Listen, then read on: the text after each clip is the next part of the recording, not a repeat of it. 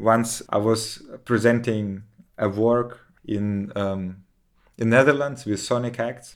Uh, that was one of the very kind of first conscious attempts not to use like my academic language and I just told different anecdotes of my grandfather and like you know where I'm from. Just showed different images. So it was kind of yeah, like a narrative, you know, um, that was very personal and still you know had to do with this zooming in and out.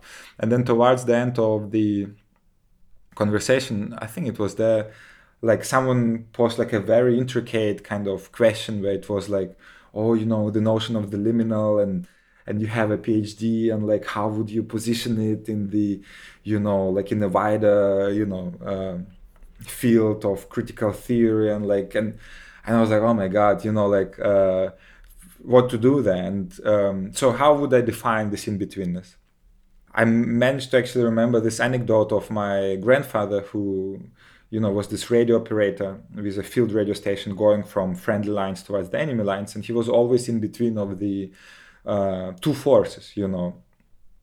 Like his idea of in betweenness was that you know you in this space in between of things that pull each other it's not like a buddhist zen state of you know oh now i'm in between that's the state of balance. No this is a state where like different agencies formal informal and so on they just pull you in all kind of directions. And to put it basically in his words this is the space in which you can be shot uh, from both sides you know like uh, back and front it can always happen to you. So I, I most of the time i feel in this space. Pretty much any project like you're doing there's always this pressure. Either you're doing something wrong for, for these guys or you're doing something wrong for these guys. It's a very dynamic space.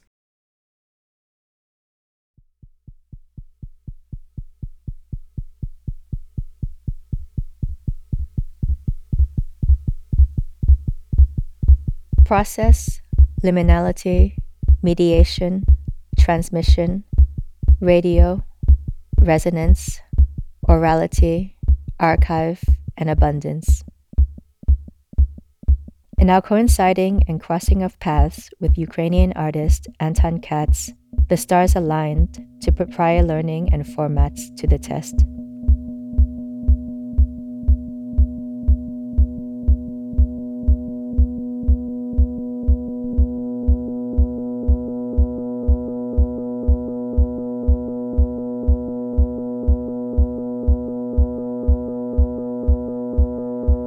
Three remote encounters, six hours of recording, and several red hot scissors produced this exquisite corpse in which we explore a discourse and practice that tend to spill over and exceed boundaries in both nuance and detail.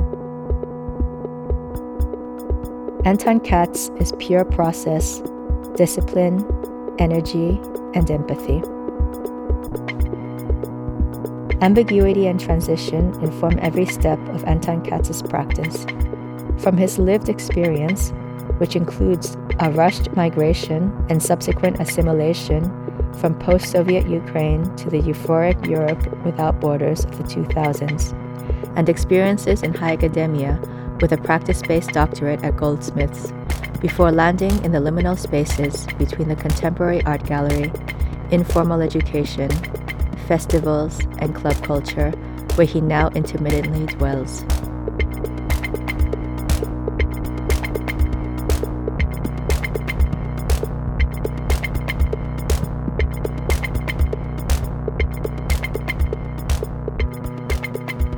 His vices and virtues include handling, mixing, and confronting the vocabularies of academia and everyday life, while trying to strike a delicate balance between the pragmatic, political, and aesthetic.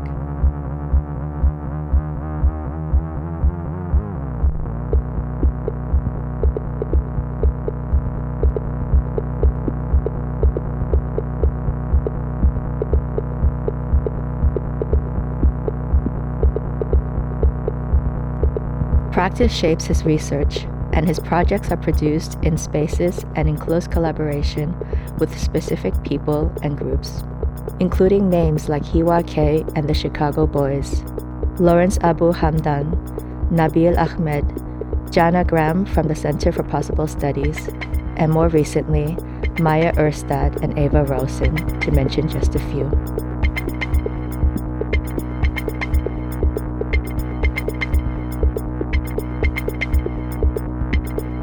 Radio, which is embedded in his background through his grandfather, who was a field radio operator in World War II, also plays a prominent role in his artistic practice as a mobile, open, mutant, informal device. In his hands, radio is a user friendly tool which he uses to reclaim and occupy public space, while connecting formal social structures with the streets. From Tate Modern, Documenta, Sonic Acts, Lighthouse, or Bergen Kunsthall, to grassroots art and education spaces such as Studio 174 in Kingston, Jamaica. His narrowcasts provide a listening space for voices, needs, urgencies, and nonconformist narratives.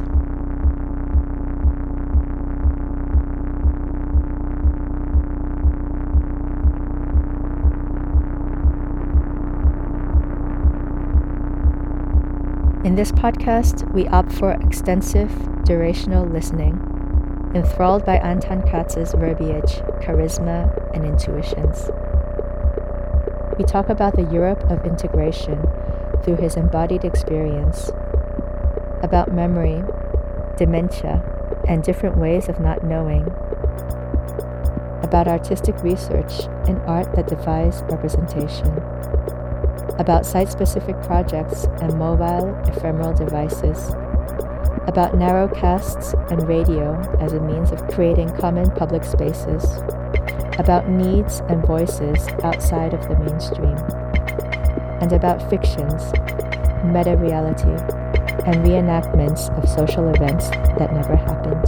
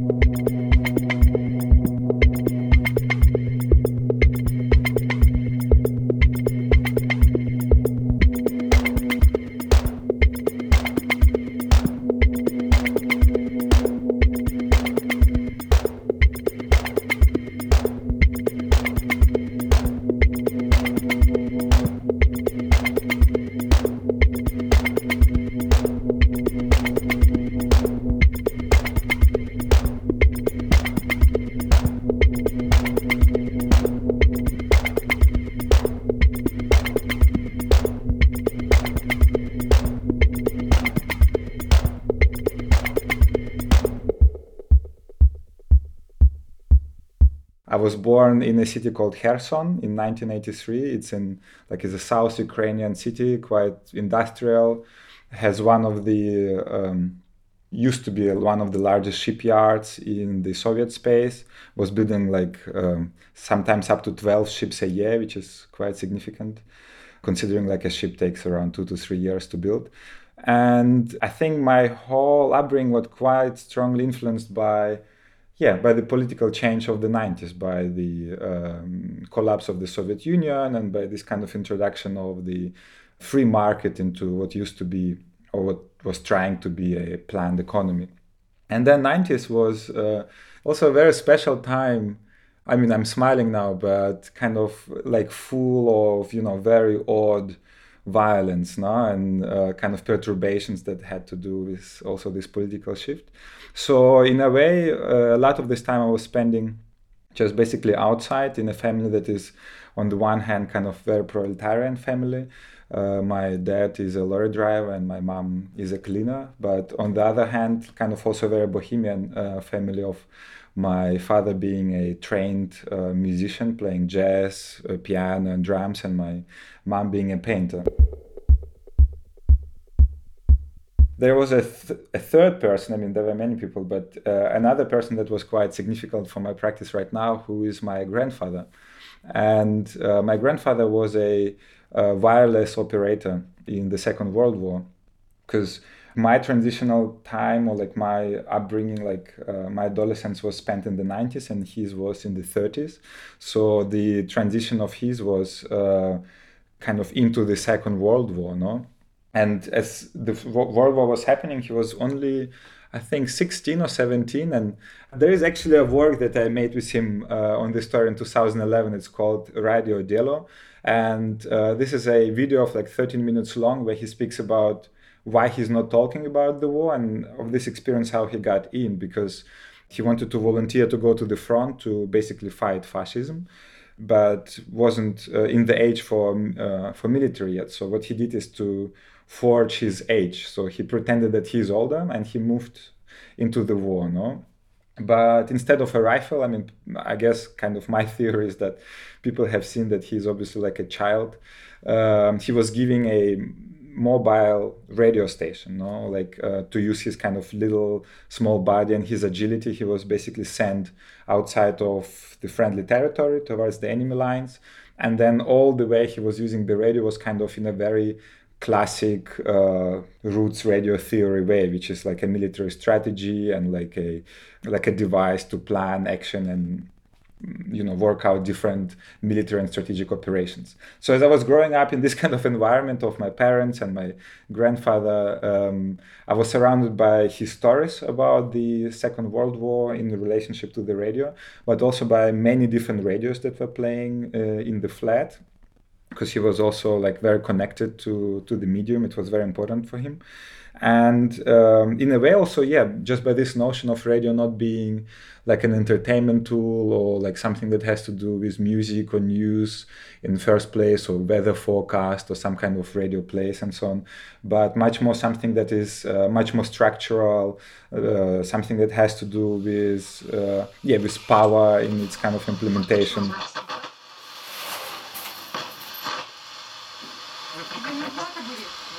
so yeah, I was growing up with stories of radio being this kind of uh, like almost like an expression of social power to an extent, like something that is used to in combat and for tactics, for organizing and so on. And then the radios that I was surrounded by were kind of in the 90s at least broadcasting um, a lot of conflict that um, had to do with the collapse of the Soviet and just in the 90s there were so many military conflicts you know um, there were three chechen wars the war in georgia abkhazia tajikistan transnistria and so like a whole lot of um, military interventions. Maybe not in the immediate uh, kind of not that close to ukraine back then like crimea right now but still kind of in the region. It was kind of quite a chaotic time, obviously, like a quite chaotic, violent situation in which it was very hard to plan long term. In that sense, I think this notion of not knowing and the notion of chaos was kind of an everyday uh, situation. Also, I think when people ask me whether I'm coming from Ukraine, very often I'm saying I'm coming from Kherson, Ukraine. So, and even if to be more specific, from a uh, part of the city that is called an island. This is this shipyard, uh, shipyard region of the city. I think doing so in order not to kind of uh, generalize, because uh, I think what I would like to avoid is kind of to give a like a general like representative overview of the political situation in Ukraine in the 90s, or kind of span this geopolitical term to to the conflict around Crimea right now. But I'm speaking in a very specific kind of terms towards a very specific city and a very specific part of this town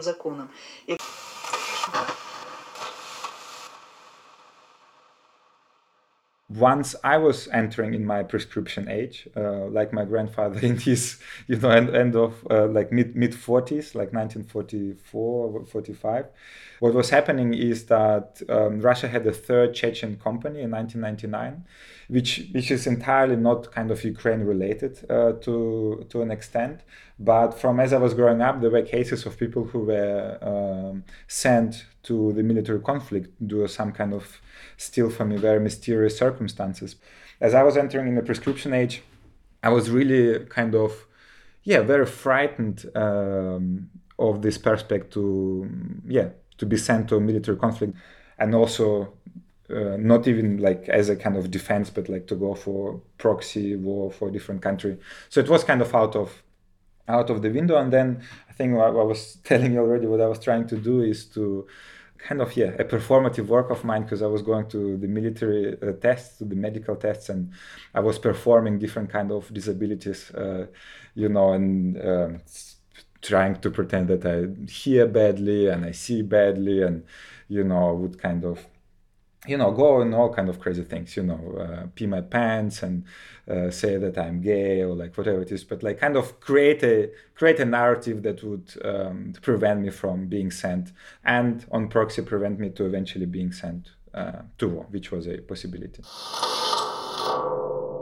Like the environment was quite physical. Uh, many people were involved into doing martial arts or being like involved into sports and so on so and i was always kind of felt i was always the weakest guy but still um, i was also you know training and doing you know what is now called combat sambo and like things like that. So so as i was pretending like uh, all the things at the at the medical commission it was kind of also one of the first like experience of profiling that i have had namely like after all this it kind of ended up with them like pulling out a folder like from under the table with my name on it and with some kind of data also on what I was doing and how good or like average or whatever it is.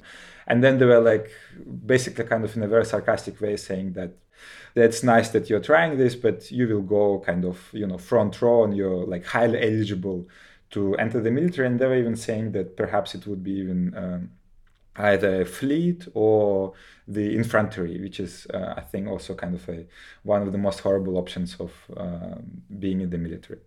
Also, for my family, it wasn't too easy to, you know, make the living. And towards the 90s, um, and also with this idea of me going to to the military, we were ready to make a move, so to say. So what my parents did, they um, did investigate quite a lot in what options we could have to leave Ukraine, and the the one they have picked after all was the one to go to Germany and to kind of claim asylum or enter into uh, asylum procedure, which we did in August uh, year 2000 exactly. We left. I finished my school. Uh, I was what uh, just turning 19, and uh, we went. And basically, my journey in Europe starts in Dessau, which is the far right stronghold still of um, Sachsen-Anhalt. Uh, so my journey in Europe kind of starts with this tiny asylum accommodation in in the east, and yeah, that's kind of I think the transition to the citizenship also starts from there because this prospect of going to to the military and to the war eventually kind of had to do with my physical integrity and just with my existence, like mm, you know, in very simple terms. So in a way, uh, I, I, had a feeling of you know being expelled uh, from Ukraine eventually into the post-life kind of uh, times. Or um, once we entered in Germany, it was also kind of a different uh, relationship, in which I was also kind of you know. Um, you know, there's always a chance to be like expelled, you know, being kind of sent off. So there, I think like my practice of combining like the pragmatics of self-legalization with, let's say, an everyday art practice, however one might define it, kind of start coming together. Welche Lust haben noch? Sind Sie in der Schlange? Ja, ich bin in der Schlange. Okay. Sie werden Deutsch heute? Ja. Ich auch. Schon ein bisschen aufregend, war? Hm? Polnisch? Ukrainisch, aber ich bin gerade XXX. Du hast also alle möglichen Pässe. Genau. Ehemalige Sowjetunion. das ist es. Normal.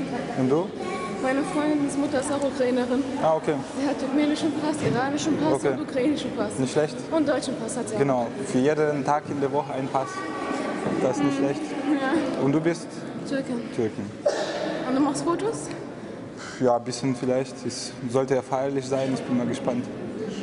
Bist du der Fotograf hier, oder? Nein, ich, wär, ich, bin einge ich werde eingebürgert jetzt. Ach so. Ja, ja. it's a privilege to have uh, had these experiences, you know, and, uh, and they're indeed like very formative also for yeah for just living every every, every day. But in this sense of non-belonging, I think like this idea of uh, being unsettled or like uh, not even juridically, but um, like basically not having papers, right? Like I, I think like for a good while I had, for instance, this passport. There's uh, another work of mine that might be that comes from this experience is called tourist and that's basically kind of you know like tourists would wear a camera on their chest uh, like to photograph things um, this is basically just kind of a little glimpse into the like inauguration ceremony um, as i was as I was giving a German citizenship and uh, European citizenship. But this is also a transition from like documents of a stateless citizen. Um, like my nationality back then was literally a triple X, as close as nationality comes to pornography in a way. It's just kind of me staying in the queue and you know speaking with different people, being curious they play kind of a mixture of all national anthems of people assembled in the audience and actually also have a celebrity sitting on the balcony and like attending like looking how like foreigners now will be um, as a good friend of mine says germanized. So i think being unsettled in this way or like being non-belonging being in this kind of liminal space of stateless or like triple x national so to say um, i think for me definitely what it kind of provoked is also a sense of alertness. Similar to ukraine on the 90s it was also not really I think, well possible to plan well ahead or like to take kind of steps that would be sustainably kind of anchoring me in something, you know. You know, once we, for instance, arrived in Dessau, I was kind of like very blue-eyed, and obviously Europe, very influenced also by German literature, and was thinking, you know, now I'm in Europe, everyone is like friendly and open-minded and cultured and all this, and being in Dessau, my journey definitely started with. Um, kind of these altercations with far right and like the violence I have experienced, like this kind of dullness of like everyday street altercations was kind of perpetuated. So in the beginning we had a lot of like fights with like yeah basically Nazis. Back then the place we were living in was surrounded by three functioning like Nazi meeting points. Once we were like playing football and that ended up like in a kind of very big um, fight. The police came and then we realized that police is even more like Nazi, but in a kind of much more structural way. So from there on, you have like all kind of different problems. So there was always this idea of like, okay, they're gonna kick me out, they're gonna kick me out, they're gonna kick me out, and also like Germany has this very kind of persistent bureaucratic machinery that means you get like letters, and each time I open a mailbox, like it, uh, I kind of cringe. Uh, it's still kind of as a reflex. I'm anxious getting mail all kind of things hanging on that. So uh, not being able to belong infrastructurally, you know, like not being embedded in a particular system or being embedded into the system as a kind of alien or intruder is for me definitely very formative and I see it kind of in a very good way because to zoom out from that, it's not like that life is much different. No, we kind of however we interpret death or whatever it means for, for different people but there is a kind of a you know a temporality. If one really shortens it to like a and really focuses on this alertness of the unpredictability of what happens next that kind of for me connects this notion of okay pragmatics okay how do i live one day at a time? How do i plan for my future or the future of my family or my friends and comrades? And how for instance like aesthetic forms derive from that. Okay.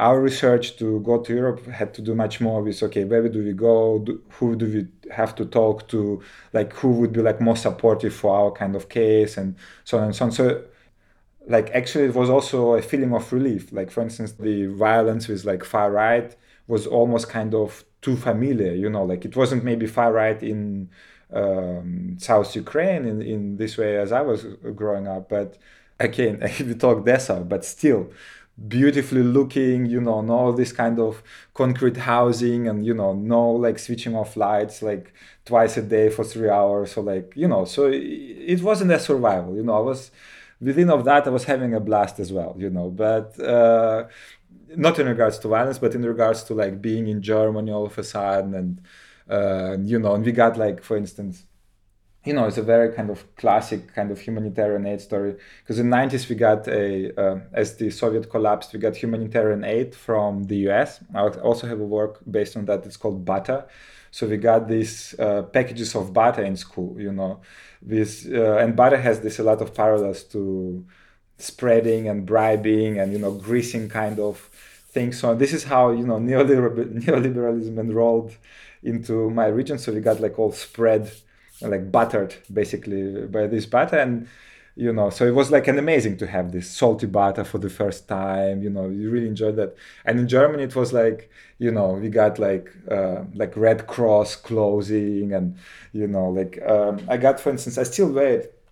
I got like a diesel belt uh, you know which was like just a present. So i was excited and i was like 18 you know so i'm 19 i'm excited but also at the same time kind of disappointed because it's not what I have expected. So in the first, I think two or three years, I was really uh, also frustrated, you know. So I wasn't interested in you know learning German or like Germans for me all of a sudden like like my grandfather would actually never put it like he would never say like, like oh germans are nazis or like something like that. But like all experience i was making like first one half years was throughout negative you know like uh, if i even was like to ask um, like you know in my kind of broken english back then like like how to get somewhere like people would tell me to you know fuck off or um, even like run away sometimes so like you know some kind of ridiculous things.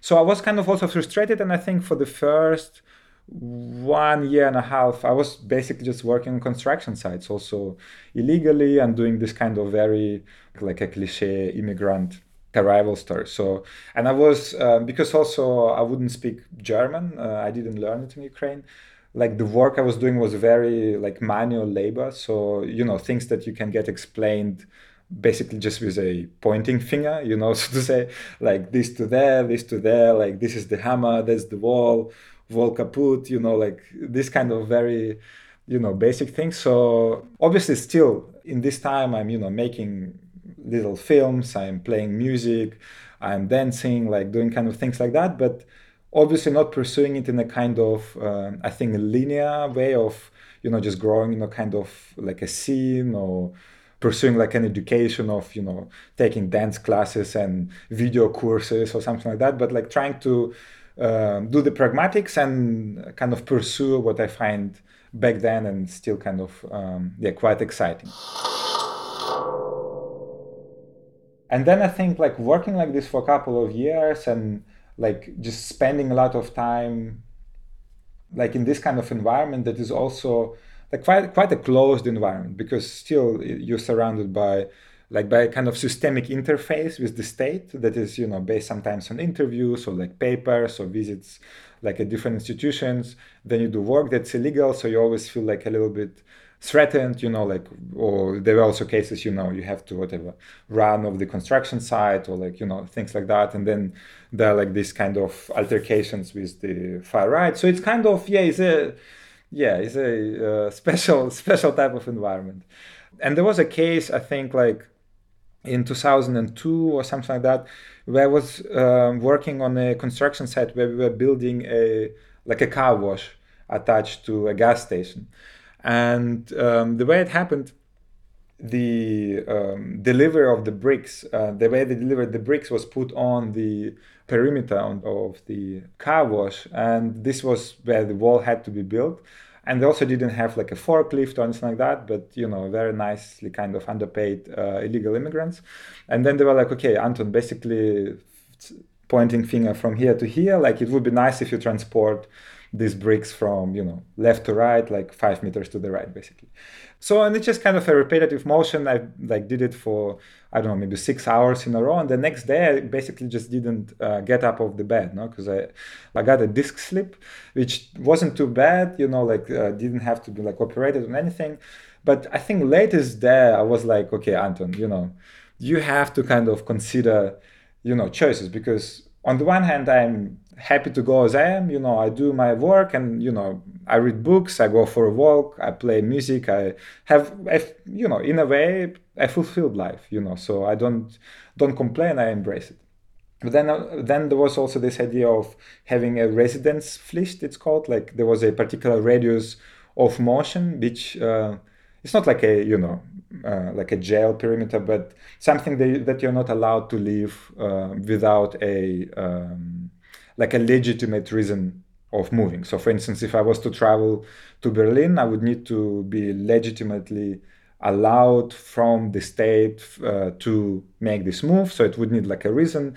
So in a way, there's also like this idea of confinement, a restriction. Let's I think restriction is a is a better word. So and then I was like, okay, I need to make a move, no, and like how do I do it? So I was considering kind of different possibilities of expanding my range of motion, which in my situation with my kind of papers and uh, the way I was situated uh, back then was most accessible was one through the education. Um, starting with very basic kind of you know german. So i didn't feel like talking learning german because i was really upset. Like and all the experiences of people i was trying to talk like whether english or german was always kind of uh, on a repelling side of life so i wasn't even it didn't make sense for me even to actually know it. And i guess it's kind of a very cliche kind of diasporic relationship you know you're always surrounded by you know russian ukrainian or like kind of a people from you know post-soviet space and you don't really even have to learn it you know like somehow. But then i was like okay i'm here now. Let's give it a go. It also would allow me to you know move a little bit differently. So what i did to begin with is to kind of find a language like a German, half a year German course uh, that was happening in Kassel. So I would stay there, and then on the weekend I would come home. So I went there. I had like a half year uh, in which you know I visited the course, and then from there on I kind of um, really like very consciously was considering that you know education or entering this kind of institutional learning facilities uh, for whatever it is was kind of also a way of moving you know like was a way of overcoming restrictions of your kind of status you know like in spatial restrictions. Also we realized okay i actually didn't finish school like in german terms you know so ukraine we had we still have like 11 years of education in germany. This is 13 years. So i went for two years to school that was also like oh my god like i already felt like i should be whatever it means to be adult but then now i have to do school again. But this allowed me to travel further uh, kind of brought me direction west germany that also is a little bit different from the east and so on and so on and so on. So i kind of started entering different educational institutions to expand my range of motion. So from there on i entered um, like in the university and studied uh, aesthetic and communication and social work and then uh, from there on i kind of that was already perhaps like eight or nine years on being in germany. I was actually kind of really hopeful and trying to uh, study art in one another way or like to study fine art. I was very romantic in a sense of you know how meaningful how meaningful art practice is and how it's world changing and how i can will be able to you know express myself and how education will support me in that. But um, in germany kind of it didn't really happen for me starting with the very idea that in many places I wasn't even allowed to apply because I didn't have uh, like art black and white written in my CV, so to say. Long story short, I kind of you know was going to this education in which I also couldn't really select what I wanted to study, and still pursuing, for instance, uh, my interests in a kind of very yeah open-minded way. Like for instance my first diploma i finished with a documentary film uh, that was based on a kind of you know music project i was making and i was going on tour. And so it was always this kind of combination between figuring out like a pragmatic issues of self-legalization like legalizing oneself and rooting oneself into kind of a place that wants to expel you and on the other hand trying to pursue not just to pursue your interest for the sake of your kind of own ego or your interest interest in its own right, but to see how the pragmatic and the aesthetic kind of mm, yeah benefit each other as well. So, for instance, also my work uh, slowly but surely was developing in a much more kind of collaborative direction that would also address kind of very site specific issues would respond to kind of particular problems and would from their own kind of from scratch start to um, whether it's artistic gesture or like artistic practice or whether we at all need to use this word artistic i'm not sure you know sometimes i feel it's a little bit like an s saving kind of a joker to give meaning to what one is doing. But like what kind of work or what kind of contribution in the everyday one could you know generate together with others that would you know respond to a particular issue and would benefit people structures involved eventually in kind of if possible would be, would be also sustainable in one way or another. And how of course you can you know uh, make it beautiful enjoy it and yeah how you can do that. So basically combine the pragmatics and the aesthetics.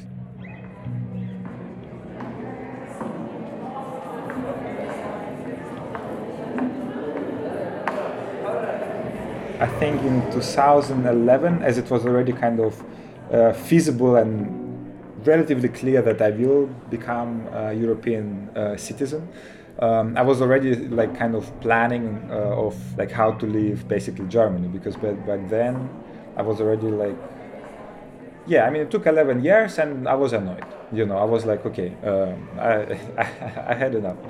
Um, so and then kind of a very feasible thing for me or at least like from me kind of thinking of this again escape routes education was kind of a uh, like a methodology by then already through which i was or i had a good experience of being able to anchor myself elsewhere and to kind of again extend this range of motion so once i was in this kind of seeing the end like the light of the end of the tunnel whether it's the train approaching you or not i was like already planning um, to go and study abroad, so to say. I was applying to different art schools, like in Scandinavia, like in uh, different European cities, and then one of these uh, was in uh, UK, in Goldsmiths. I think my relationship to UK uh, comes through an absolutely tremendous, amazing artist and incredible human being, Hiwa K. It's there is not enough credit I would be ever able to give to him, like in relationship also to what I'm doing and also to my like personal kind of formation. Is a long time, just long time friend and yeah, family member, I guess by now.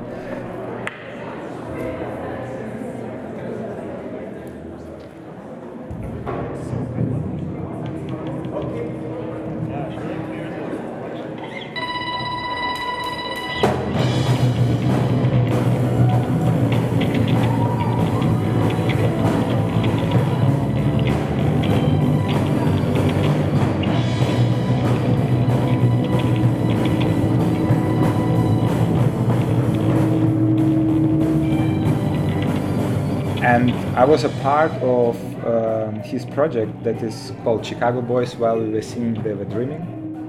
He's a music band and a study group of neoliberal politics through the music of the 70s from the Middle East.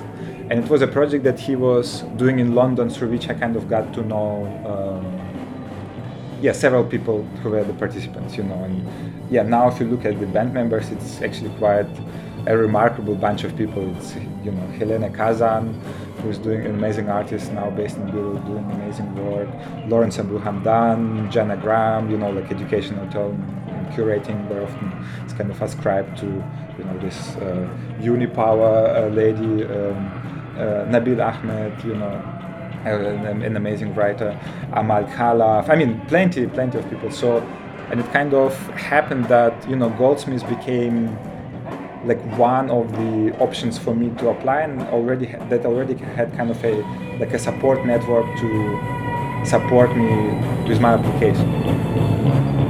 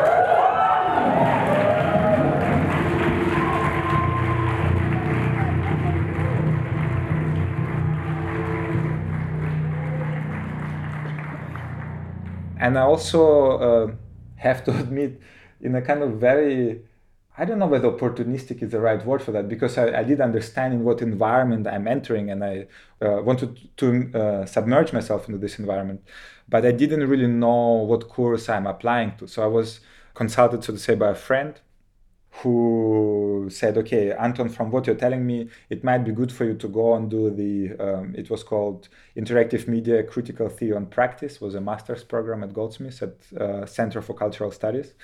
I didn't really even realize that it was so much on kind of computational theory and computational practice, on like algorithms and all that. So I was very just basically not knowing where I'm going, but knowing that uh, I would like to to be there. So I was like, take me, it will be exciting, we will have great time. Long story short, that took me. And then uh, I was there, and then I realized I have no idea what's happening. You know, I never wrote a line of code. I very often say misunderstanding is a very crucial, like key part of my practice as well. Not knowing and kind of figuring out like this chaotic situation, which is very dynamic, you know, like this alertness towards what's happening around you is definitely at the core, um, like one of the core elements of what I'm doing. So once I was there, like I was completely always misunderstanding of, uh, you know, what has to be done, what we are doing. I always had like ridiculous questions and uh, was coming up with projects that had nothing to do with you know computing, but were, were drawing on these concepts. I'm very happy that I had uh, Graham Harwood as uh, like a course supervisor, who is also uh, like working a lot collaboratively and responsively i think to like different issues like he did work based like um, developed with coal miners and hospitals and kind of you know i wouldn't say it's socially engaged practice but but I think we kind of shared like a very similar sense of insanity, and he's also coming from a very like strongly like proletarian kind of influenced background. So he really liked what I was doing, and I actually got like a lot of support for yeah these very strange projects of mine. The project that I'm doing and my studies and all that, I had to make it kind of also work pragmatically because um, you know, it had to pay my living, my studies, and I think first year of London for me was definitely, um, you know, it's an amazing support structure that I had. All friends supported me, but as a city or as an environment in which you come very fresh and you have to, maybe not even anchor, but navigate the space somehow. It's also a little bit like uh, elbowy and the rents are high and all that. So in that sense, actually, I had to think of my projects not uh, from a perspective of ah, okay it's just something that might work in the future and like let me just make some kind of you know luxury object and hope that you know will connect to a gallery or whatever it is but no it had to be kind of um, like a hands-on work that makes my living and that also kind of uh, works in the environment in which i am in a still to kind of contribute to like an everyday issues that you know might deal with uh, like city political questions. So you know i did a lot of work that um, kind of addresses redevelopment or memory city like this relationship between being in academia trying to figure out your you know in this case not the legal status of your papers but kind of how do you at all manage to uh, make your living and how you can make your work useful not just for yourself but also for others and what form it takes i think that became kind of like a center of my attention. And i guess also what started to uh, interest me back then quite a lot was that i started i think realized that what i'm doing right now which was like since leaving ukraine in itself is a practice you know? So it's not like this is just a kind of a backbone on behalf of which i'm doing something else. No this is actually the work again it's not like a luxury object for something but all these kind of negotiations and um, networks and conversations and like experiences good and bad you know like this in itself is actually the work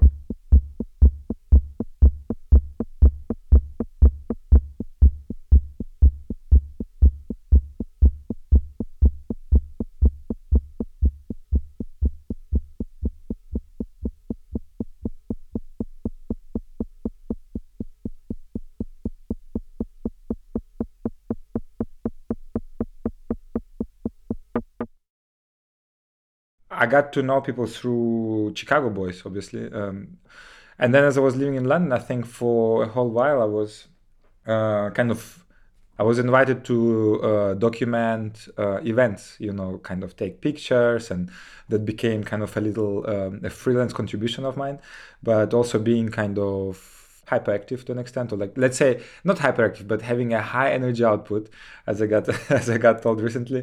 Uh, i think also i couldn't leave it to also engage obviously with people i'm uh, surrounded by. And center for possible studies um, has done a lot of work um, was based in westminster and kind of was dealing with different issues redevelopment, for instance, in Westminster, London, was working with local schools, communities, looking to different forms of exchange and learning and um, collective practices and so on.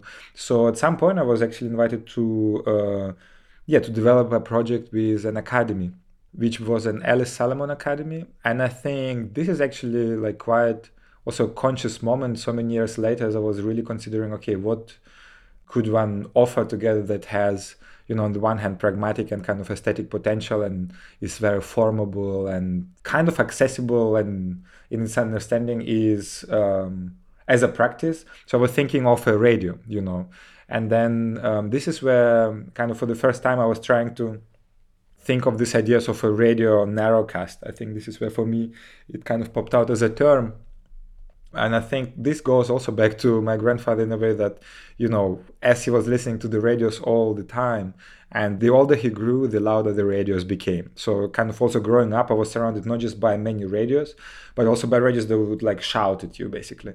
So, I kind of grew up with uh, like this natural aversion of. Um, kind of a classic radio broadcast or generally also i barely listen to the radio you know uh, i pretty much never do. I mean, I love the practice and um, I love this as a tool, as a kind of, you know, like a very particular, yeah, device that is formable together. But I'm not very much into like this classic understanding of radio, you know. So what we decided to do is kind of to um, use not radio as a technology directly, but use different ideas that have to do with that to uh, see how they can be beneficial or how they can contribute or question like particular uh, like different set of relationships in the neighborhood. That can be you know how the market functions how is the area redevelop, redeveloped how are they implicated what are our agencies that intersect there how they disseminate in space reflect or mirror with others and so on and so on and so on. So what we started to do gradually is to develop kind of little uh, interventions in the neighborhood that took form of like open radio studios you know. Our plan was to create these different listening spaces uh, on a particular site which creates this kind of uh, like slightly confused moment of interaction where people passing by or people who are living there don't exactly know what's happening. And this starts kind of you know sometimes in a frictious sometimes in a not frictious way but this starts starts kind of a negotiation of a particular practice you know like okay what is the agency we are coming from? What's happening? How it is reflected? And so on and so on and so on. So this for instance is a point of departure just to kind of create a uh, listening space or like rethink different functions or reappropriate public space differently so for instance this project and it was one of the first projects um, with Center for Possible Studies uh, that was called Radio Sona became this kind of like an ongoing exploration um, of listening by the means of different radio concepts.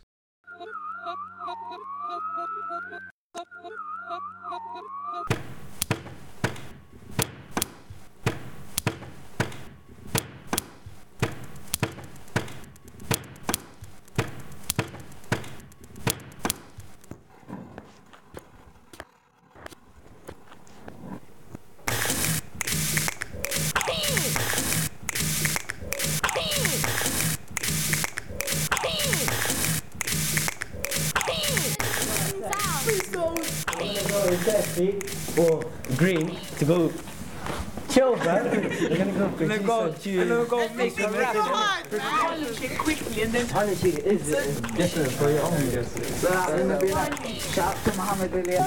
Right now, we're gonna go visit Church Street.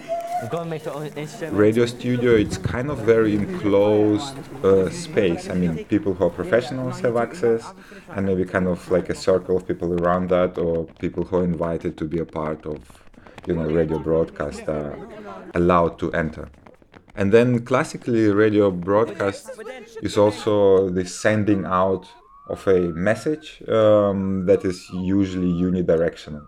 So there's uh, kind of as a listener, there is not really like a possibility to respond. And obviously, with the radio voice, it's also very interesting because it's kind of uh, you know sometimes say it's like a missing link between the divine force and the voice in your head. But in any case, I think infrastructurally, um, it's quite impenetrable space. Um, also, like this idea of voice is kind of the one, you know, that very often assumed, you know, if the people who speak properly are also the ones who are allowed to act, you know, like kind of, it has this kind of eloquency and then radio voice is the voice of the operator. Like it's kind of the voice of knowledge and the voice of confidence and and I don't even remember who's writing it. Maybe it's not so important. Perhaps Guattari writing about Radio Alice, I think, or something like that, where he says that the voice that is, you know, full of hesitation and full of contradiction and kind of inconsistency is actually the voice that is immediately immediately leading into action, you know. And I think there are also like these two levels of action, of each one is a very tactical action, like action of people who have this contradiction. And for me, it's also very common, like kind of sometimes an impossibility to articulate something. This is kind of the level of tactics that, very often doesn't find its way into common radio. And then there's this idea of radio being a strategic tool, you know, kind of this infrastructure that is obviously, you know, um, radio have been used in fascism quite a lot for propaganda and uh, for kind of shaping different, creating different societies, shaping them, giving them different agencies. So it's kind of also a strategic tool, you know, that in which this infrastructure is used and then translated literally and metaphorically into um, into different forms of human organizing or human organization. So in that sense, radio for me is kind of also this idea of like a working social power, not just kind of a technological type, but uh, kind of a um, mix between, I guess, technology and social relationships, and of course, a lot of things like art practices and sonic practices go into that. This is our corner.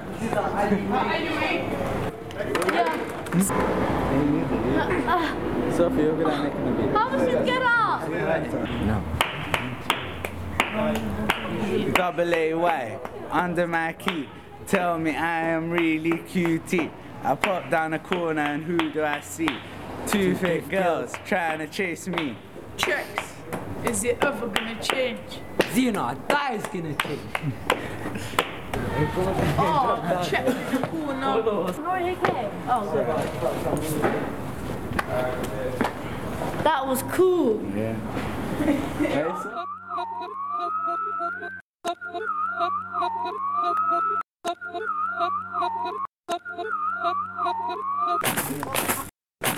also what happens quite a lot is you know like maybe in in line with our podcast obviously there's a lot of editing and kind of creating of narratives and um, manipulation and manifestation of content that is also then in hands of people who are having access you know like um, there's, there's a power, there's a power, relationship, like a particular power relationship between people who enter or cannot enter, people who voice and articulate themselves properly or not properly, and then obviously people who kind of maintain or reenact this infrastructure again and again and again. And then I think uh, what I'm kind of trying to achieve is radio narrowcast.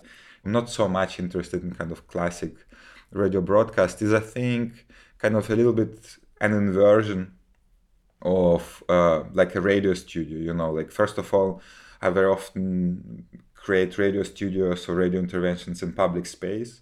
So sometimes there's like this pop-up situation event or maybe kind of a mobile um, radio installation or kind of a little pirate radio station or um, you know there are different examples. In documenta for instance we had this radio bike that uh, was also used like in you know I like on children playground, so as in demonstrations and so on, but like something that can roll out and create um, kind of an improvised radio studio that is sometimes, you know, very theatric, like almost like a performance, or just very down to earth kind of microphone and antenna situation. So there is kind of this idea of studio that is first of all very open you know and kind of transitionary it's in between somewhere maybe in public space or somewhere even if it's institutional in the museum like for instance in Hakavia there was a um, kind of an installation that was also a radio studio inside of the exhibition. So that kind of i think what i'm trying to do with this open studio is create or like a destabilize a little bit the uh, common relationships in like in a in a given space. So the space becomes ambiguous again and has more than one meaning or like maybe kind of provokes um, this relationship to space that is less assumptive uh, so that's kind of the first move i guess where the studio is open and ambiguous and i think like this ambiguity again is so important because uh, it changes or shifts the perspective from I guess what the project should be in favor of what it can become. And I think there the radio becomes again very like functioning and instrumental uh, or can become instrumental for other people interested in using that. So they can use it for their own agency or rethink and reimagine what it is there for.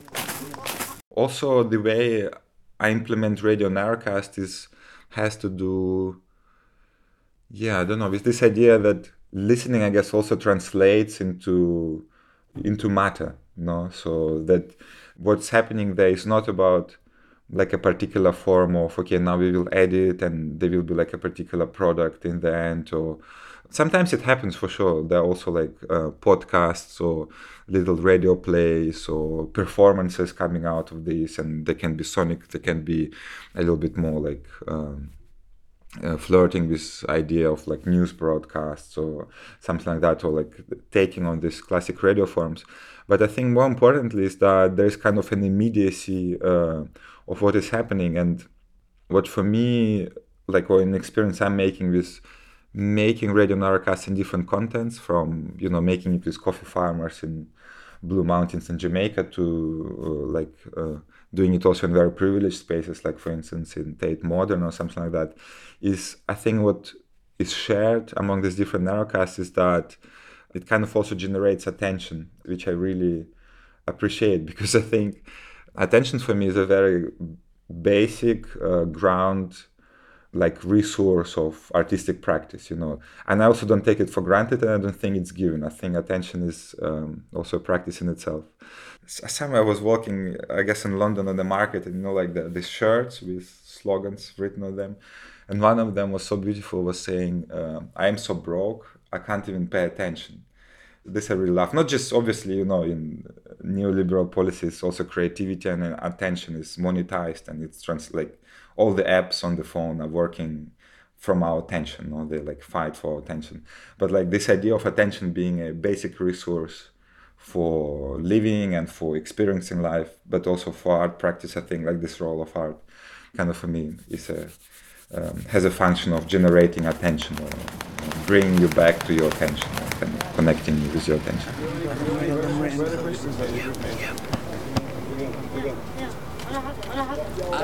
Is it F chain, the chain?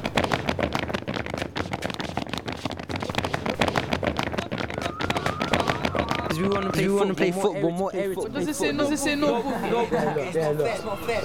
Like, that's nonsense. That's nonsense. And it's everywhere, and it's everywhere that's saying that. It's no, no, it's no, no. It's even here. even here. There's no boogie. There's no boogie in this place.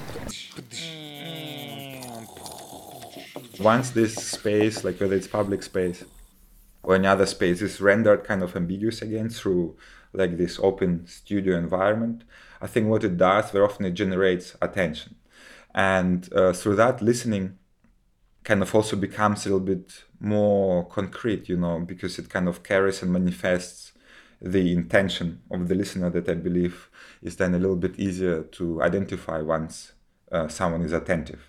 Likewise, what happens as well um, for people who don't have experience in not even public speaking, but like sudden speaking and open speaking, or kind of a dialogue um, in a kind of public space environment, that also generates a lot of attention. And because in these narrowcast studios, I still would tend to use uh, sometimes like a radio transmitter, like something that you know transmits it around there. But also I have to say that sometimes I don't uh, I don't use it either. You know, it's very beautiful to play with radio, but also it's very nice to say that okay, radio is not necessarily just a technology of sending. You know, like what we are doing here right now is also like establishing different relationships, creating different networks, is sending and receiving. So, you know, like kind of interhuman relationships have also a lot of elements of what radio is.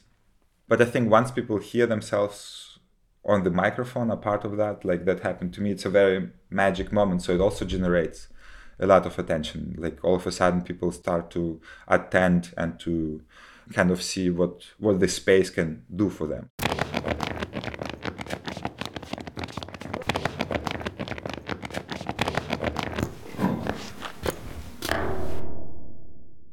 Last year, there was a project with um, elderly people um, in uh, during the Berlin Biennale, and once we had a like a radio narrowcast inside of the KW uh, backyard, which is kind of a gathering spot for you know all the people who come to to see the Biennale, and that was very interesting because um, obviously it also kind of interrupted the space in a very strange way. So many people think, oh, of, of course that's whatever, like another art project by another artist, and some join in. It was like a table, and we've been you know drinking tea, speaking on the microphones, like sharing actually a lot of stories of. Uh, the current rise of uh, like far right politics in Europe and um, like working with some people, you know, some of the people who were driving the project and were part of it from the very core, like uh, for instance, Sophie Temple, she's like 101 years old, you know, like someone who has experienced the Second World War and from first-hand experience can say,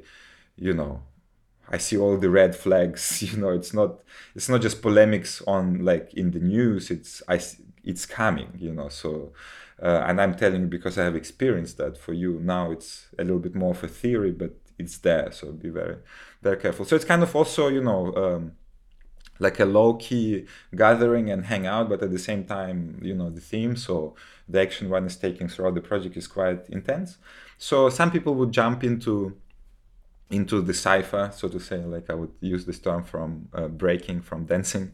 Like someone would step into the cipher and um, exchange and share. But some people who actually stay on the distance and just look from the outside, this is for me a very interesting twist because I think that this is actually what makes it an art practice.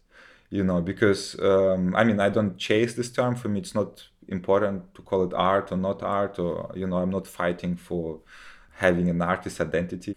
But I think like the people who actually stay from the outside and just watch actually manifest the stage, you know, which uh, always try to break through and kind of to stage this action that it is not this is us and that's the audience or but the people who decide to become an audience is also are also the people who make it an art performance. I'm also not really interested in making like a statement or project about the radio. I think this is kind of at the core because I think if I were to distill between different forms of like inquiry or um, kind of workings or something, I think basically I would have something like a depicking, you know, like making something about something, like you know, like like that would have kind of a distance. It becomes about the radio or like about the medium, you know, and it's also nice. I mean, many artists work like this, and the medium is so exciting. It's very beautiful but the other form that I find very interesting is instead of depicting, there's kind of an unfolding, you know. So, you know, in English, it's not just speaking about, but also speaking of, you know. So it's coming from like a particular situation or like creating something from which you then depart.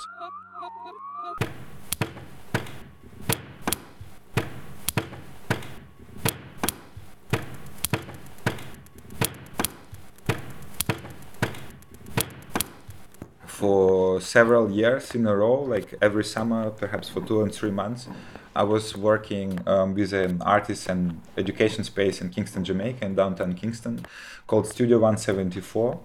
People who were involved were local residents uh, of downtown, but also students of media and communication, you know, like people who also work with radio.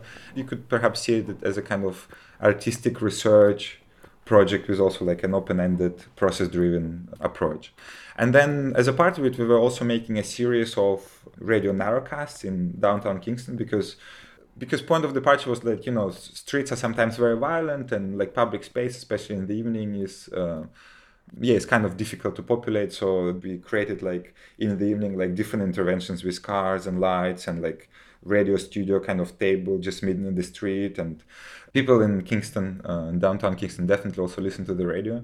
So there for instance we had like a um, 7 watt transmitter. I guess if it was high it would transmit like a, around like a range of 7 kilometers which is relatively far but obviously cities are also you know uh, congested or polluted you know by uh, electricity and like different signals and radio signals. So if the antenna is not too high and it's a 7 watt transmitter it perhaps goes like maybe a couple of miles and depending on uh, weather conditions as well and so on and so on and so on. But there for instance the way we used the radio was also to and uh, mostly actually to invite the people who are listening to join in in person you know like in a kind of very local way to come and join for uh, for the radio narrowcast. And one of the uh, things that was also important for us we didn't have um, such a great amplification you know. So each time we were using this radio we were actually inviting people to come and bring their own radios. So they bring and then listen on their own radios and the more people came with radios the louder the event became you know. So it kind of uh, amplified it sonically. And then the radios that people were bringing, like not all of them, but some of them also made their way in like kind of first edition of uh, what I still, you know, really love doing as a practice of a radio sound system, you know, like flirting. This particular one was flirting with Jamaican sound systems, you know, that has like a very uh, rich legacy and I mean, not just legacy, also future as, as I see it. So it became kind of a mobile, um, sound system that is completely made of radios and also has a radio transmitter in the in the back of it.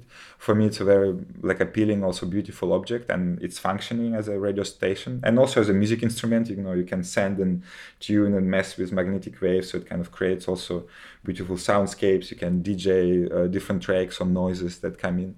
So this for instance is like one example of how like broadcast can also be used you know again to maybe create a little bit different locality you know inviting other people but to really be kind of i think inevitably present with each other like in a particular spot and taking care of a aesthetic form obviously that comes out of it. But prior to that having like a kind of a particular agency that maybe is coming in response to a brief let's say that you can also identify together. And i think also like this idea of response and radio I mean, some radio practices also have that. Like, for instance, radio amateurs, they're not just using a transmitter, they're using something that's called a transceiver. So it's a call and response situation. I think this idea of um, response and an ability uh, to respond uh, literally also for me means a responsibility, you know, and I don't mean it moralistically, but I, I, th- I, take responsibility to respond also very literally, you know. So responsibility, for instance, there the radio is also like in this example has provided a possibility to respond in a way that you create like a series of interventions that also grew and became very crowded and actually reshaped the space, but also created this space of listening that that allows other people to imagine through that imagination and like through this practice it already redefined how the spaces works. So in that sense you know i wouldn't be interested just in okay oh let's put a radio in a public space and uh, see what happens or let's just send something. But this kind of uh, intertwinement between you know i guess social agency artistic practice and collaboration and like that that makes my heart beat. Let's put it like that. Yes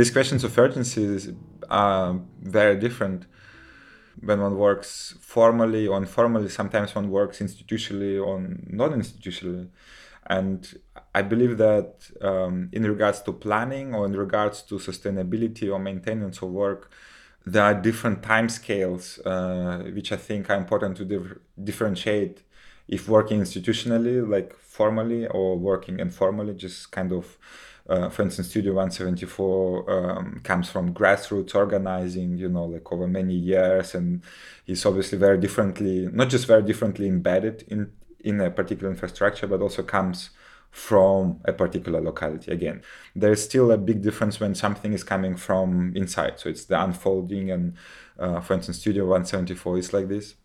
Uh, but I guess there's really like a very big difference in times. That is an institutional time, and that's a personal, like kind of human time.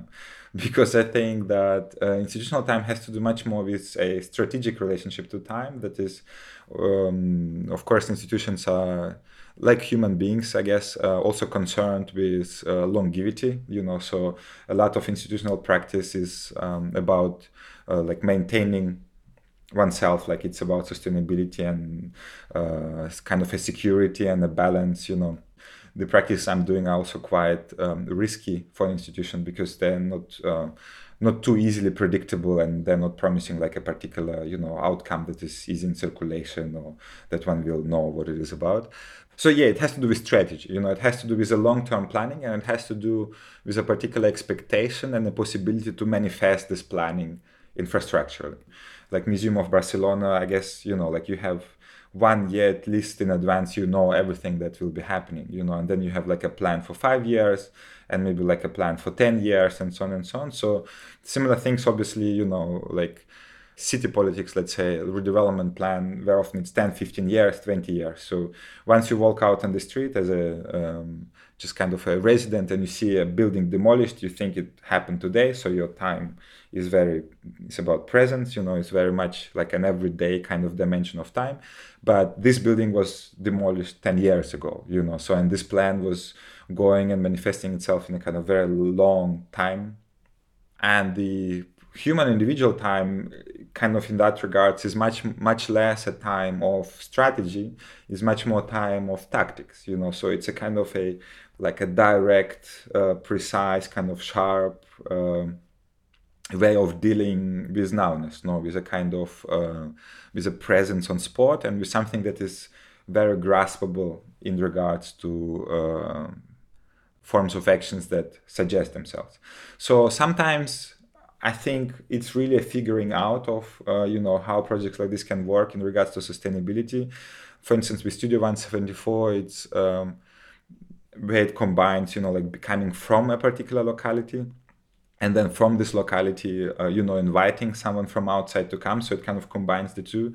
And for instance the um, radio station like this radio sound system uh, uh, which i was uh, telling you about it uh, still remains in the studio as a functioning object. So it's uh, it was a part of the exhibition you know as a matter of fact but um, it still is there and accessible for people to come and obviously because it comes you know from the kind of uh, neighborhood and it all even has like radios of people and people were involved in doing that there's i think also different um, sense of ownership of the object. So it's less just like an artistic gesture of okay that's just my vision i put it in and there's an exhibition and please no one touch it. But it's an object that you can take and you can roll it somewhere and actually make your own radio station or like uh, use it for whatever way you like you know so i think that's for instance kind of a an interesting like a link you know that extends the um, art practice in the time after the artist or you know whoever has left the space and in itself creates like different kind of relationship and also different localities you know through being used by others in, in different ways. Sometimes, you know, within of these projects or this work, so even as a passerby, you know, it kind of um, also creates different experiences and relationships with each other, you know, new friendships and you know new experiences of place new experiences of oneself and so on. And even all these negotiations within all the projects or the dialogues or you know sessions where you just walk or sit or share food or you plan something. This is actually kind of the main work you know and without you know being represented in a museum or gallery or in a picture or something like that. This is actually that really works in a person over like many years. I know that i myself stand you know on so many shoulders of many other people and like i have so many parts of everyone you know i encounter. And i think this is impossible to represent but that inevitably kind of also uh, an integral part of a human becoming for materialists uh, among us, you know, it's maybe not a dimension in which one would like to evaluate the project, but I do think that this is uh, at least as important, maybe if not even more important than you know living kind of a graspable outcome in a wide space, you know. So I, I think this is crucial.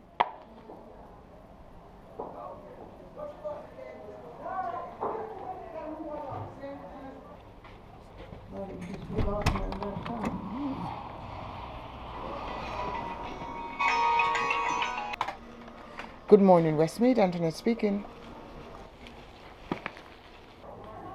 Another project I was doing with uh, the Center for Possible Studies and with the Serpentine Galleries was called For a Walk With, and um, this was uh, this started at uh, two residential care homes uh, in Westminster, uh, Westmead and Carlton Dene and was also supported by Janna Graham in the beginning and then by Amal Khalaf uh, and care worker Phyllis uh, and facility manager in one of the care homes. And these were, for instance, two care homes for elderly people uh, experiencing dementia in different, uh, like a residential care home, so people are living there. And for instance, as I was invited to develop a project there, for the first time, what I did is just um, just arriving, you know, like sitting in the chair, uh, you know, coming for lunch and just being present in space, and in a way observing, like making my uh, research. And then I think uh, what has happened, what I realized quite quickly, is that there is a being a musician, that there is a um, very strong discrepancy in kind of in the rhythm of people occupying the space. You know, like um, especially noticeable through walking like you would see that you know most of the residents are seated or very slow and have like a very particular groove like a very particular pace of moving through space while the care workers of you know running around and you know jumping up and down and so on. So it's a completely different rhythm and completely different groove as well. So walking became a point of departure to start a project you know kind of a tool of inquiry. And then the whole project was uh, me basically trying to go for a walk with the care uh, workers and with the residents and to see how through this walking you can outline uh, and contribute to this particular situation in which the residents and the care workers find themselves which is um, kind of form of forgetting you know. For residents for instance it's um, biological or biochemical however one uh, or spiritual also depends how one describes dementia. But for care workers for instance this idea that the care homes have to be redeveloped like destroyed and eventually rebuilt some of them will be fired or not and then there's a different provider had to do with different symptoms of dementia that is you know anxiety and depression and not knowing not being able to imagine the future so they kind of been struggling from a different form of not knowing. So I was like, okay, let's try to go for a walk, and then immediately you encounter like you know. Um, like different restrictions of space. Here we go again no? Like you're not allowed to leave without a care worker or like a family permission and so it kind of or you know like it opens so many ethical questions as well. How do you collaborate with someone who has very short memory span or you know and so on and so on and so on. So walking became kind of this um, yeah, not just a means to the end, but a practice at the core of the project.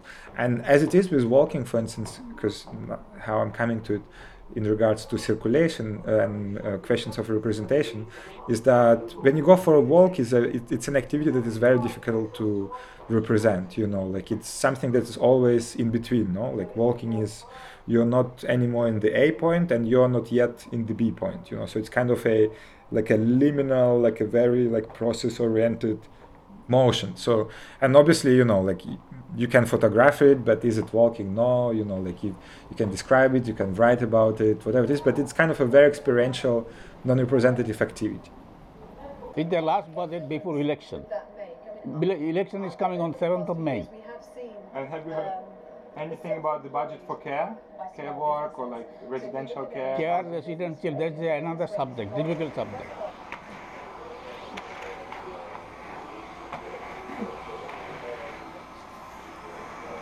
I've been smoking since I was 15. I'm now 74.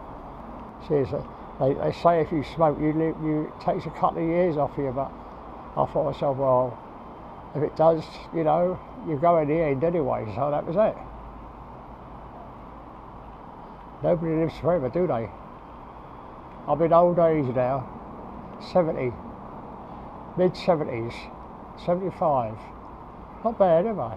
I've got, still got a good memory. I know the year I was born, I know the places where I went to school with, the county I went to school in, and everything like that. I've still got my memory. Touch wood. I'll, I'll touch it when I go inside.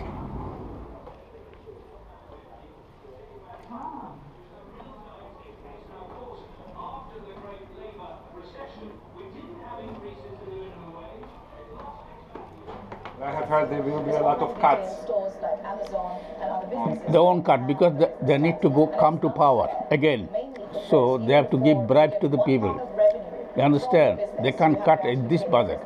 If they come to power, after the following budget, they will say, oh, we need money, we need to cut. Now, they are in a difficult time, they need people's support. Otherwise, people won't vote for them. You understand? So you have to bribe people on different way. Transport, rail fare, different different way. Norman Smith, while we continue to look at those pictures at number 11. And Norman, do you expect the Chancellor's budget to actually make much of a difference? Okay. From the conversations with um, people who took part in the project, like the residents of the care home and the care workers, I guess the way we have developed to um, articulate the project and to open up like these different themes we've been working with had also to do with this mode of unfolding. And there is a film that is called for a walk with. And it's a film that is done uh, with an action camera in the one of the least action loaded spaces that is a care home or at least on the side of a resident which is also i think so beautiful working with elderly people because it's not about production you know like these people were like producing and engaging and active like for you know 80 years. They're like interested in presence you know and uh, i generalize obviously but um, and also like it's a close to death experience you know like people and like being in the end phase of life is it's an experience i you know can intellectually and kind of emotionally eventually relate to but i have never experienced that and it's a very different vibration if you like no? So it's a very different um, everything. So it's less about production. But we decided to work with this um, action cam like a gopro and instead of making it about the project what i did is basically just inviting people to carry this camera for a little bit in the home on their chest you know? So you would always see from the perspective of a different person living or working or visiting a care home. So it kind of, on the one hand, allows you to walk in the shoes of someone, you know, to really go for a walk with someone or being someone who's going for a walk. Also, it kind of uh, played for me on this uh, questions of identity as well, because, you know, it would change from chest to chest. And sometimes, you know, you're like, uh, like a woman of color who is working then, you know, from a um, like working agency and folding the clothes. And sometimes you're like an elderly resident who is white and male and sometimes you're this person. Some, so it would con- constantly like also play with your identity. And so that for instance became a film that is you know was used to discuss it uh, like different issues like with uh, care workers or like used in forums. From that, we also created like a little publication that had different layers of research and articulation. Pond? Water. Water? Yeah. Go in the kitchen, you find it in there.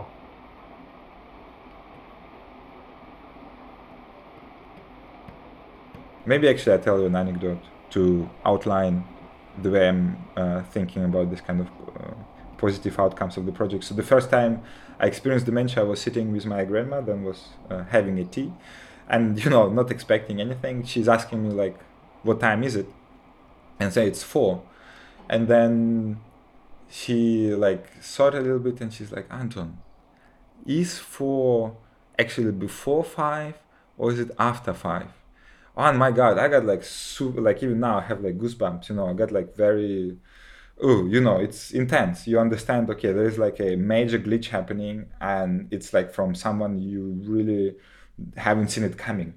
It's my grandmother, so I love her, you know, and uh, I didn't want to disappoint her in any way. And I thought a little bit and I said, you know what?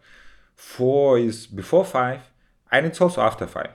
You know, it's always before and after. So it's not like a correct four, you know, it will be before five and will be after five. So I was kind of trying to you know obviously to support her in this condition and not to you know kind of make her feel you know strange or bad because of it or like um, as if she's making a mistake.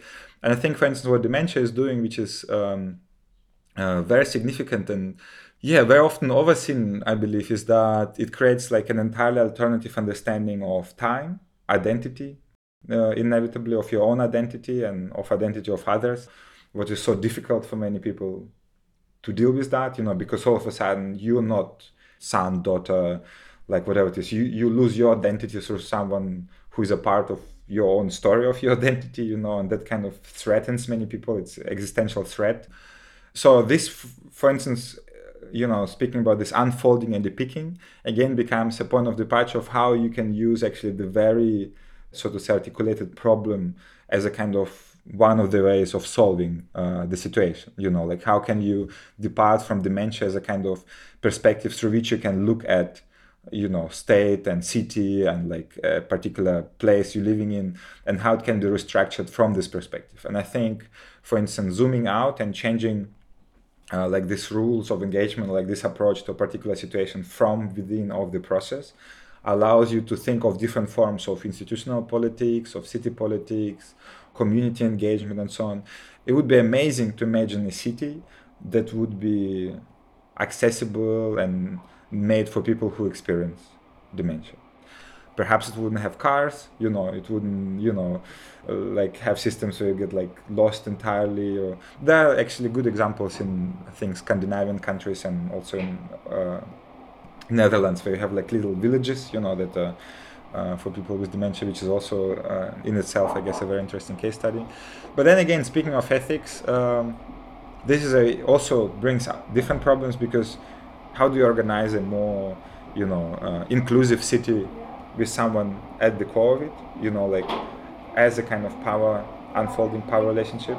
Because if you put someone at the core of it, that again creates a kind of power disbalance. So it kind of always there's this glitch of how like ethics and problems coming that like escape like a particular form of action and sometimes by it by the practice from a different side again and again.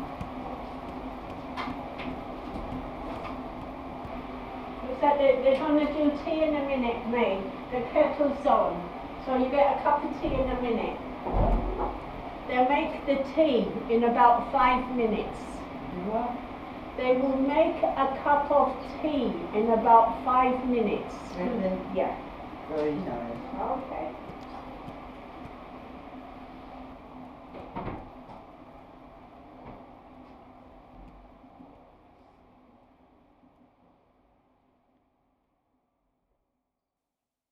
we don't own memory you know like uh, i think human relationship to memory you know i'm not a big fan of the anthropocene discourse you know like but it's still very human centric you know we think memory is ours and it's just about us being able to access it or not access it you know and then like you know oh, if you don't access it you lost your memory. I don't think memory is yours you know. Memory it's every like your body remembers you know your nose remembers your grand grandmother like whatever it is like things around you remember objects remember you know it all has memory and it's not yours and it's not dedicated to you you know it has its own life and you can have a friendly relationship with it you know you can have less friendly bitter relationship with that but it does its own thing and we all experience memory loss. And I think uh, you know one of these project like outcomes. You know, I, I, speaking of these different registers of work, you know, I believe it's very important to for for work to be articulated in many different ways. So one of the final outcomes of the work was also to make a claim of rethinking um, like uh, redevelopment events in the city. You know, because of course if a project starts with a particular brief that has to do with an issue, like in a way towards the end, I think it's very important to also like make a step back and to kind of to see how it's done, like to think of the ways how to evaluate the work. Like uh, every project is very different. But for instance, what this project allowed to do is to kind of uh, develop a like a quite well articulated critique of the current understanding of redevelopment in the city, you know, in regards to memory, because from the 70s, for instance, you know, the um, the redevelopment discourse obviously it's like first events of globalization you know like the enterprises are you know moving outside are like these vast landscapes of you know like factories that are not working and so on. And then you know slowly creative people move someone in that gets live then there's investment coming in then displacement happens people move around.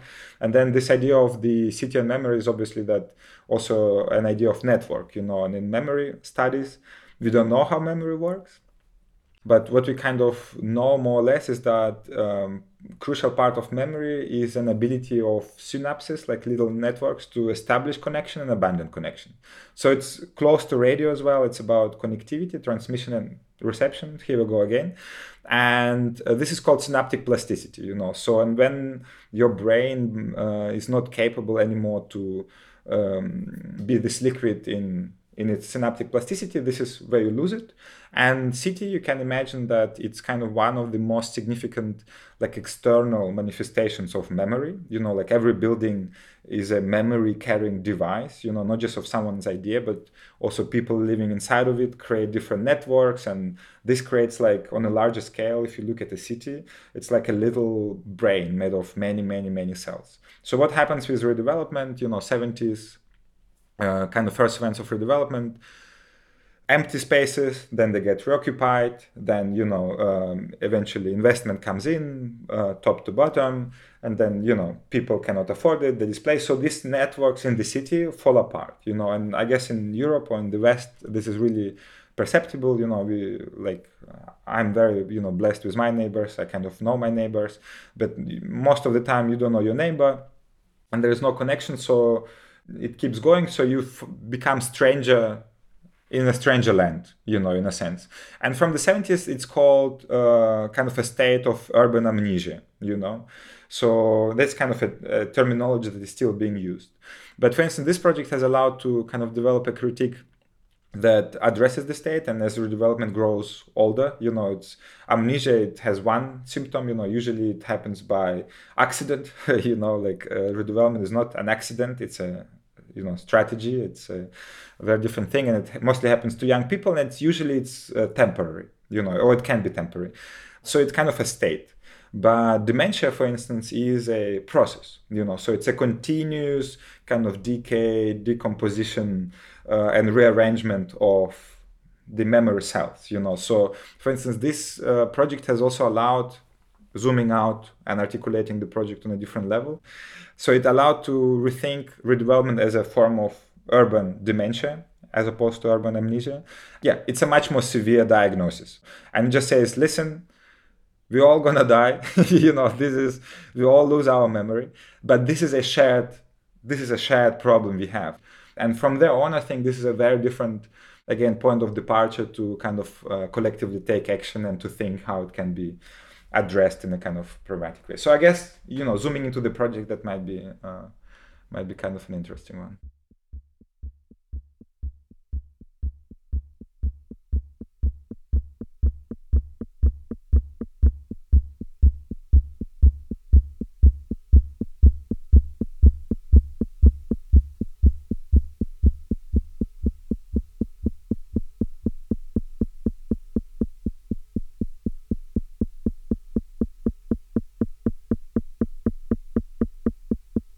I hear often that one gives a voice, no? And I, for instance, I don't think I can give someone a voice. You know, I'm happy if I manage to get mine you know s- somehow like to have a good relationship to mine or with mine like i think everyone has a voice and also people who you know don't speak or like uh, you know use whatever their bodies or eyelids or whatever it is like um, they have voice you know so voice in a kind of very not just oral no? So and i don't think that um, i have voices to give.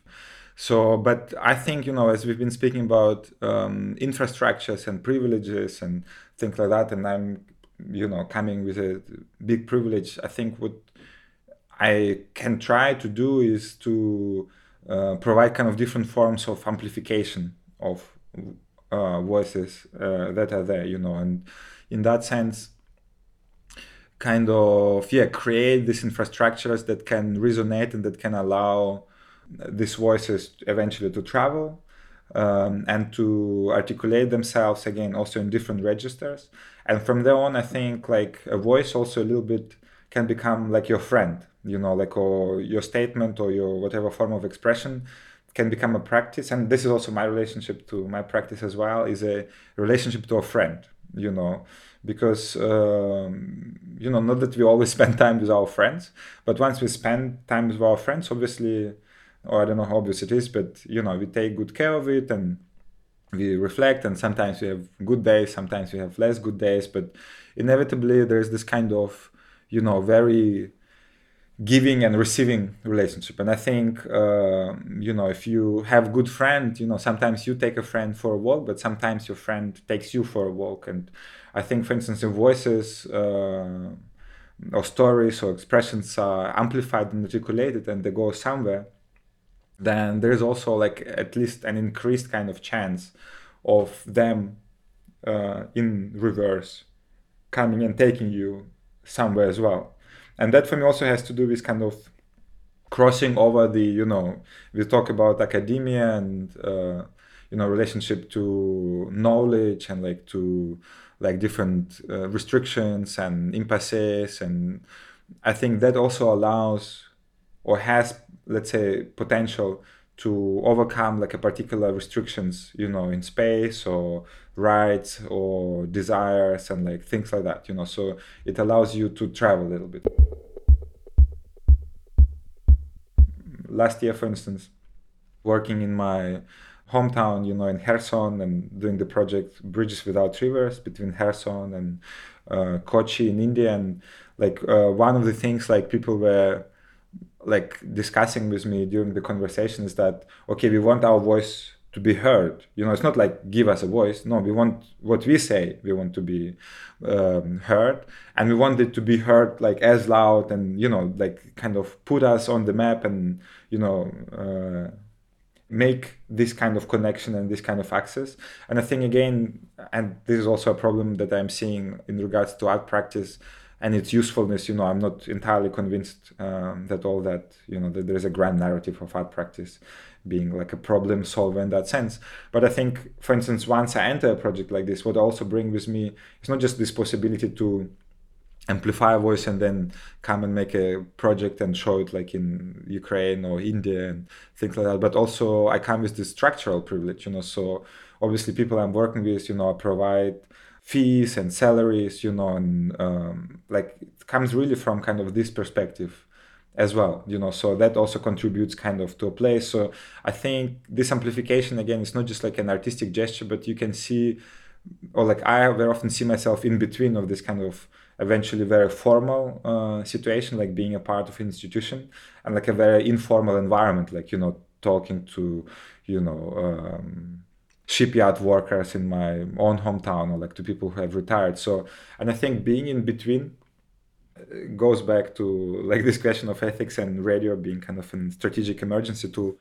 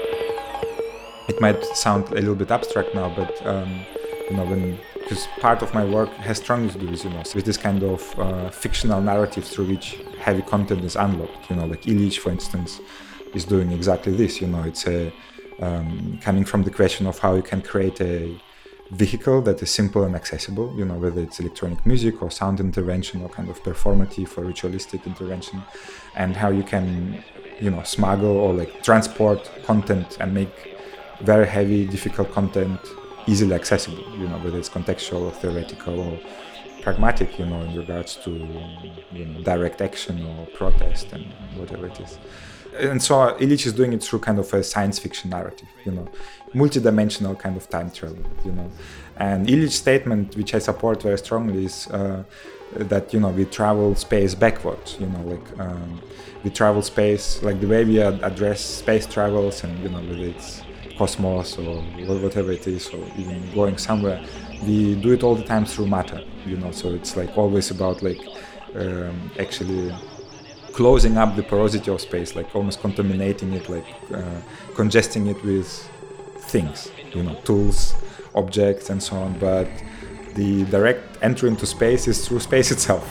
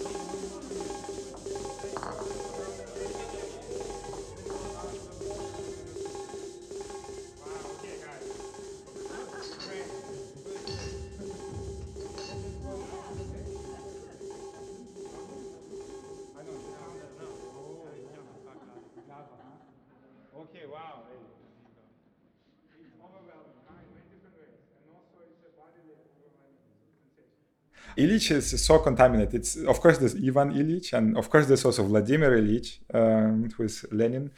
And um, Illich actually refers to my father's name, to the middle name that I have, because my full name is Anton Ilyich Kats. And um, while we were leaving Ukraine and coming to Germany and going through all the kind of, you know, um, uh, yeah, like a tumultuous uh, arriving process, um, by the end of it, this name just got lost. So it's it became it disappeared.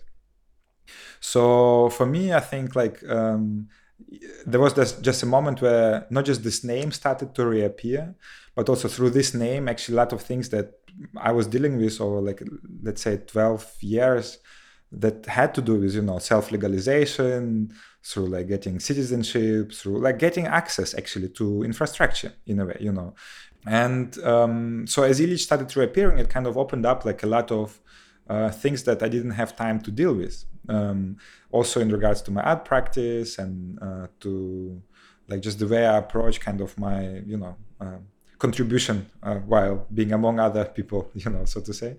And I realized that, um, you know, coming from also music context and just playing gigs and, you know, a lot of recordings that I'm having is electronic music. is very housey, is uh, technoid. It has kind of very you know you know what like house for instance or like this repetitive repetitiveness of that. Or like why i really love house music obviously is also it comes um, also from organizing and you know very like queer feminist and you know black re- uh, black culture resistance. And it's very uh, it's it's a super socially engaged practice also of squatting you know warehouses. It's it's not a musical sound that is coming just from a kind of you know intellectual negotiation it's a response to very particular you know uh, politics of segregation in the us and you know different ele- like colonial elements of oppression and exploitation and so on. So in that sense it's music is inseparable from uh, from social and political struggle. And uh, i'm coming from a very different context you know um, from south ukraine where uh, like the electronic music came to was much more through popular culture, you know, which is um, deals with very different issues and um, has a very different aesthetic and sonic dimension as well. But I think what inter- interested me in electronic music quite a lot is also, for instance, the suspension of temporality, you know, through repetition, you know, through the rhythmic kind of patterns, you know, that are obviously also very ritualistic uh, in pretty much all traditions, you know, all traditions. Uh, what came for me through synthesis or like working with modular synthesis is uh, not just literal metaphorical negotiation of power, you know, that is kind of a change of electric current into a sound wave and manipulation of this wave through, you know, topological kind of, uh, you know, dimension of electronics and, you know, plates and electricity flows and currents and in the synthesizer itself, but also through kind of almost, uh, just the way uh, how sound carries you and includes you. And this language that is again beyond comprehension it's less something that is to be rationalized but it is a holistic full body. And i don't mean just physical body i mean also emotional body and all other bodies that we have or uh, you know bodies beyond this. But like it's a very different experience of sound altogether. So that for me was very st- still is very strong tool of um, creating or intervening in spaces or creating spaces uh, in which this experience provides healing you know and i have to say this is very very important you know like just even as a response to you know whatever discourse or political or ecological or whatever we are taking i think healing is key you know like personal healing but also healing together with others and others. And i think sound and its political and social dimensions within of that is is not just capable, but um, is over history is proving again and again that is capable of healing. But I also, mean, um, very like uh, infrastructural healing. You know, like the way you occupy public space differently. You know, for instance, so Illich, for instance, was primarily first of all uh, coming through these issues I was encountering, and was a way of healing myself through still on it you know there's a, there's a lot of homework to do.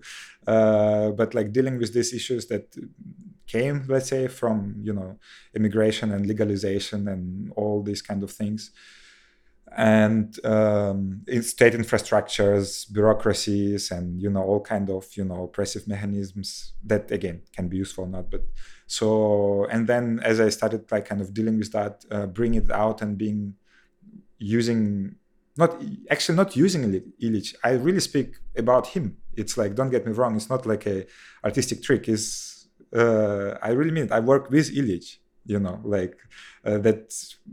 What helped me actually quite a lot working with Illich is that I also realized, you know, once I was so much more on the side of constructing like his persona and like doing this kind of things. Also, obviously, it gives you such a beautiful reflection point to understand how you as a persona uh, how you are constructed you know? So it also helped me to um, uh, you know embrace the liquidity of my identity much more as well you know? So it kind of deals you know i say one of the conditions of Illich is dementia you know in the sense of the way we spoke about this that is an al- alternative understanding of time and space and identity you know? So it's less about you know white male with an education or like whatever it is you know that's speaking there but Illich can channels a lot of research and a lot of things but in, if he's talking he's introducing or it they introduce things in from different eye perspectives as well you know so uh, Illich can be like, okay, in 1963, I was working on a shipyard radio station, you know, and um, especially like once um, it's less about my face and like st- things like that, that it is less Anton related, it has a very different impact.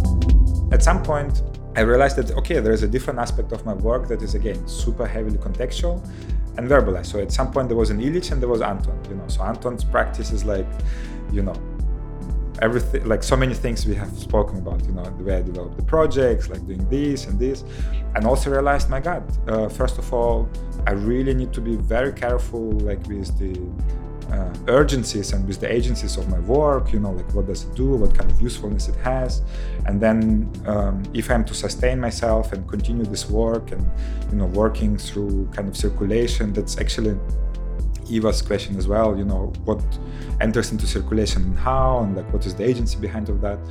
So um, I realized my work is losing urgency, and not it's losing urgency, but like what is the agency of my work? Why am I doing what I'm doing?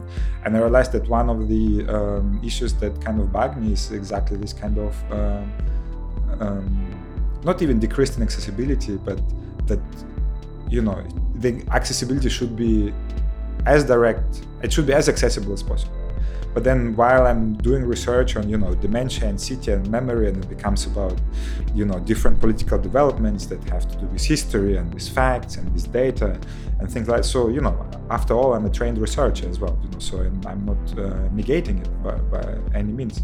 So for instance my question was okay how do i combine the two? You know and like while on the Illich side of course if you go to a festival and you you know dance to 130 bpm you know and you go home and you have like a uplifted experience you know it's wonderful. I love that you know uh, but also for me that was lacking some kind of other things that i would have in my research you know. So again uh, i realized that it shouldn't be like by far shouldn't be one versus the other but they have to come together you know. So for instance Illich right now is exactly this negotiation of how you can take let's say um, like things that happen in my hometown in Kherson, you know, that is close to Crimea, for instance. And you know how you can use narratives and even science fiction narratives. So like how can you use some kind of narration um, that on the one hand allows you to introduce and to negotiate very heavy research in a very different way and make it accessible and also you know make people curious and not just make them consume it but make them a part of it. So in that sense you know all the uh, tools of Illich in making you know some kind of a sound intervention or like a music intervention or like a ritualistic space come into play as well. So it's kind of it becomes a hybrid combination of these two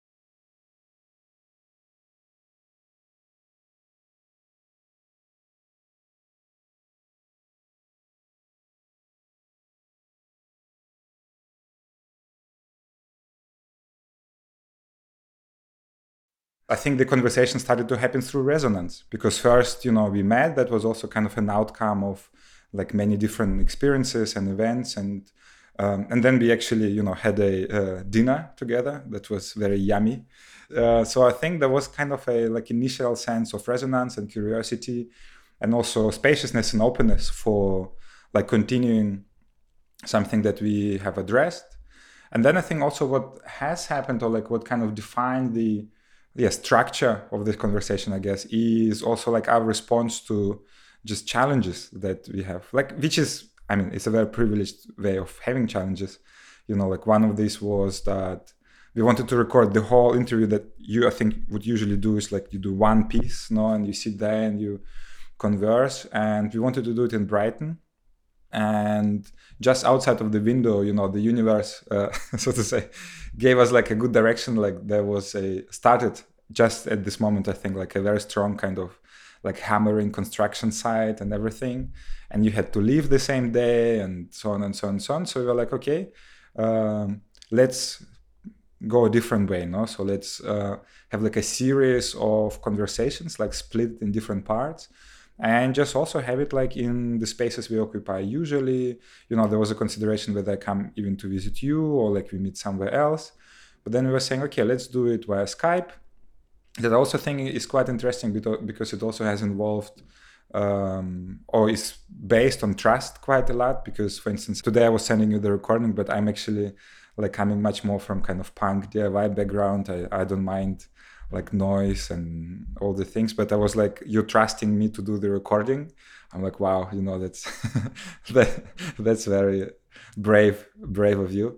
And uh, and for me it's also like um, kind of trusting in yeah in this rhythm a part of the resonance but also in the rhythm of conversations and they all come in in the right time. And actually each time we had a conversation um, it kind of has allowed to maybe I was speaking about that, like you know, press play and just put something like into your ears or like someone's ears, but like really to cook fresh, you know, and like um, this is the third conversation I think we are having, right? We had two in Berlin, I think maybe with like one month or like something like that between the two, and this one feels like actually really. I think it's been a good while. Like I don't even, I'm not even sure I'm not. I was like, oh, will she recognize me? Will I recognize her? No, but like I'm not even sure like how long it is, but it it's easily at least three months. Because we also tried to schedule this conversation over like a in all the three months. It's not like we said let's meet in three months. No, we've been like actually on it all the time. So it's it has its own rhythm. We've been responding to our rhythms in our everydays, works, projects, family, whatever it is.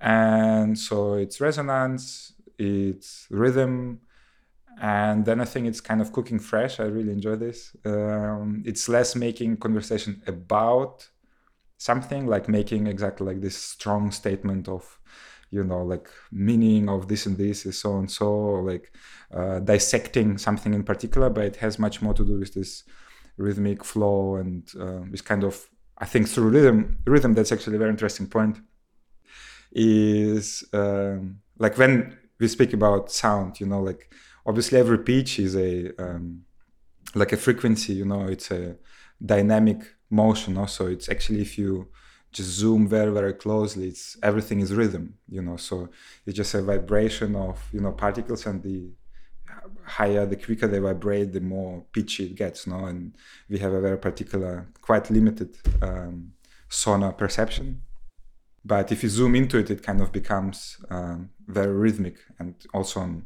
cellular level and so on. Like rhythm or like pitch is, is has much more to do with rhythms and uh, has a very different dimension to that. So I think what we have developed is kind of a rhythmic discipline, you know. And I think what will come out of it is um, very particular pitch, like very particular tone. So the whole interview or like the whole outcome will be, uh, to an extent, yeah, we'll have like a sonic dimension to it that we can um, unlock through this, you know, um, how should I say, structures, you know, through how we live in the everyday and like through these punctuations.